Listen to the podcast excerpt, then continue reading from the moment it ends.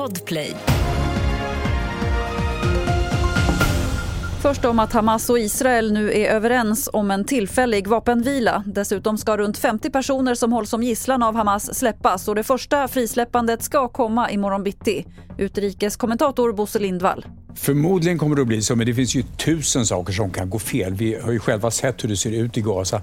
Men USA har lagt all sin tyngd bakom att få det här i hamn, för det har varit jätteviktigt för USA. Katarierna, de är duktiga förhandlare och medlare. Det är de som har medlat det här, så de kommer säkert också pressa på för att det verkligen ska bli av. Men återigen, vi har ju sett under hela den här tiden som det har pågått hur besvärlig situationen är i området. I Göteborg ska skott ha avlossats tidigt i morse mot en fastighet i Rannebergen, det skriver GP. Larmet kom in vid halv femtiden och enligt polisen ska en entrédörr ha träffats av skott men ingen person verkar ha kommit till skada. Polisen utreder det som försök till mord och grovt vapenbrott.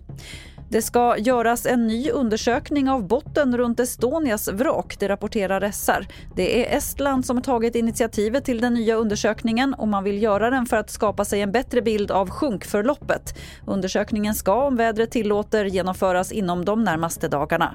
Fler nyheter hittar du på tv4.se. Jag heter Lotta Wall.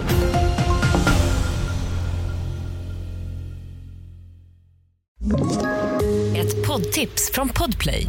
I fallen jag aldrig glömmer djupdyker Hasse Aro i arbetet bakom några av Sveriges mest uppseendeväckande brottsutredningar. Går vi in med hemlig telefonavlyssning och, och då upplever vi att vi får en total förändring av hans beteende. Vad är det som händer nu? Vem är det som läcker?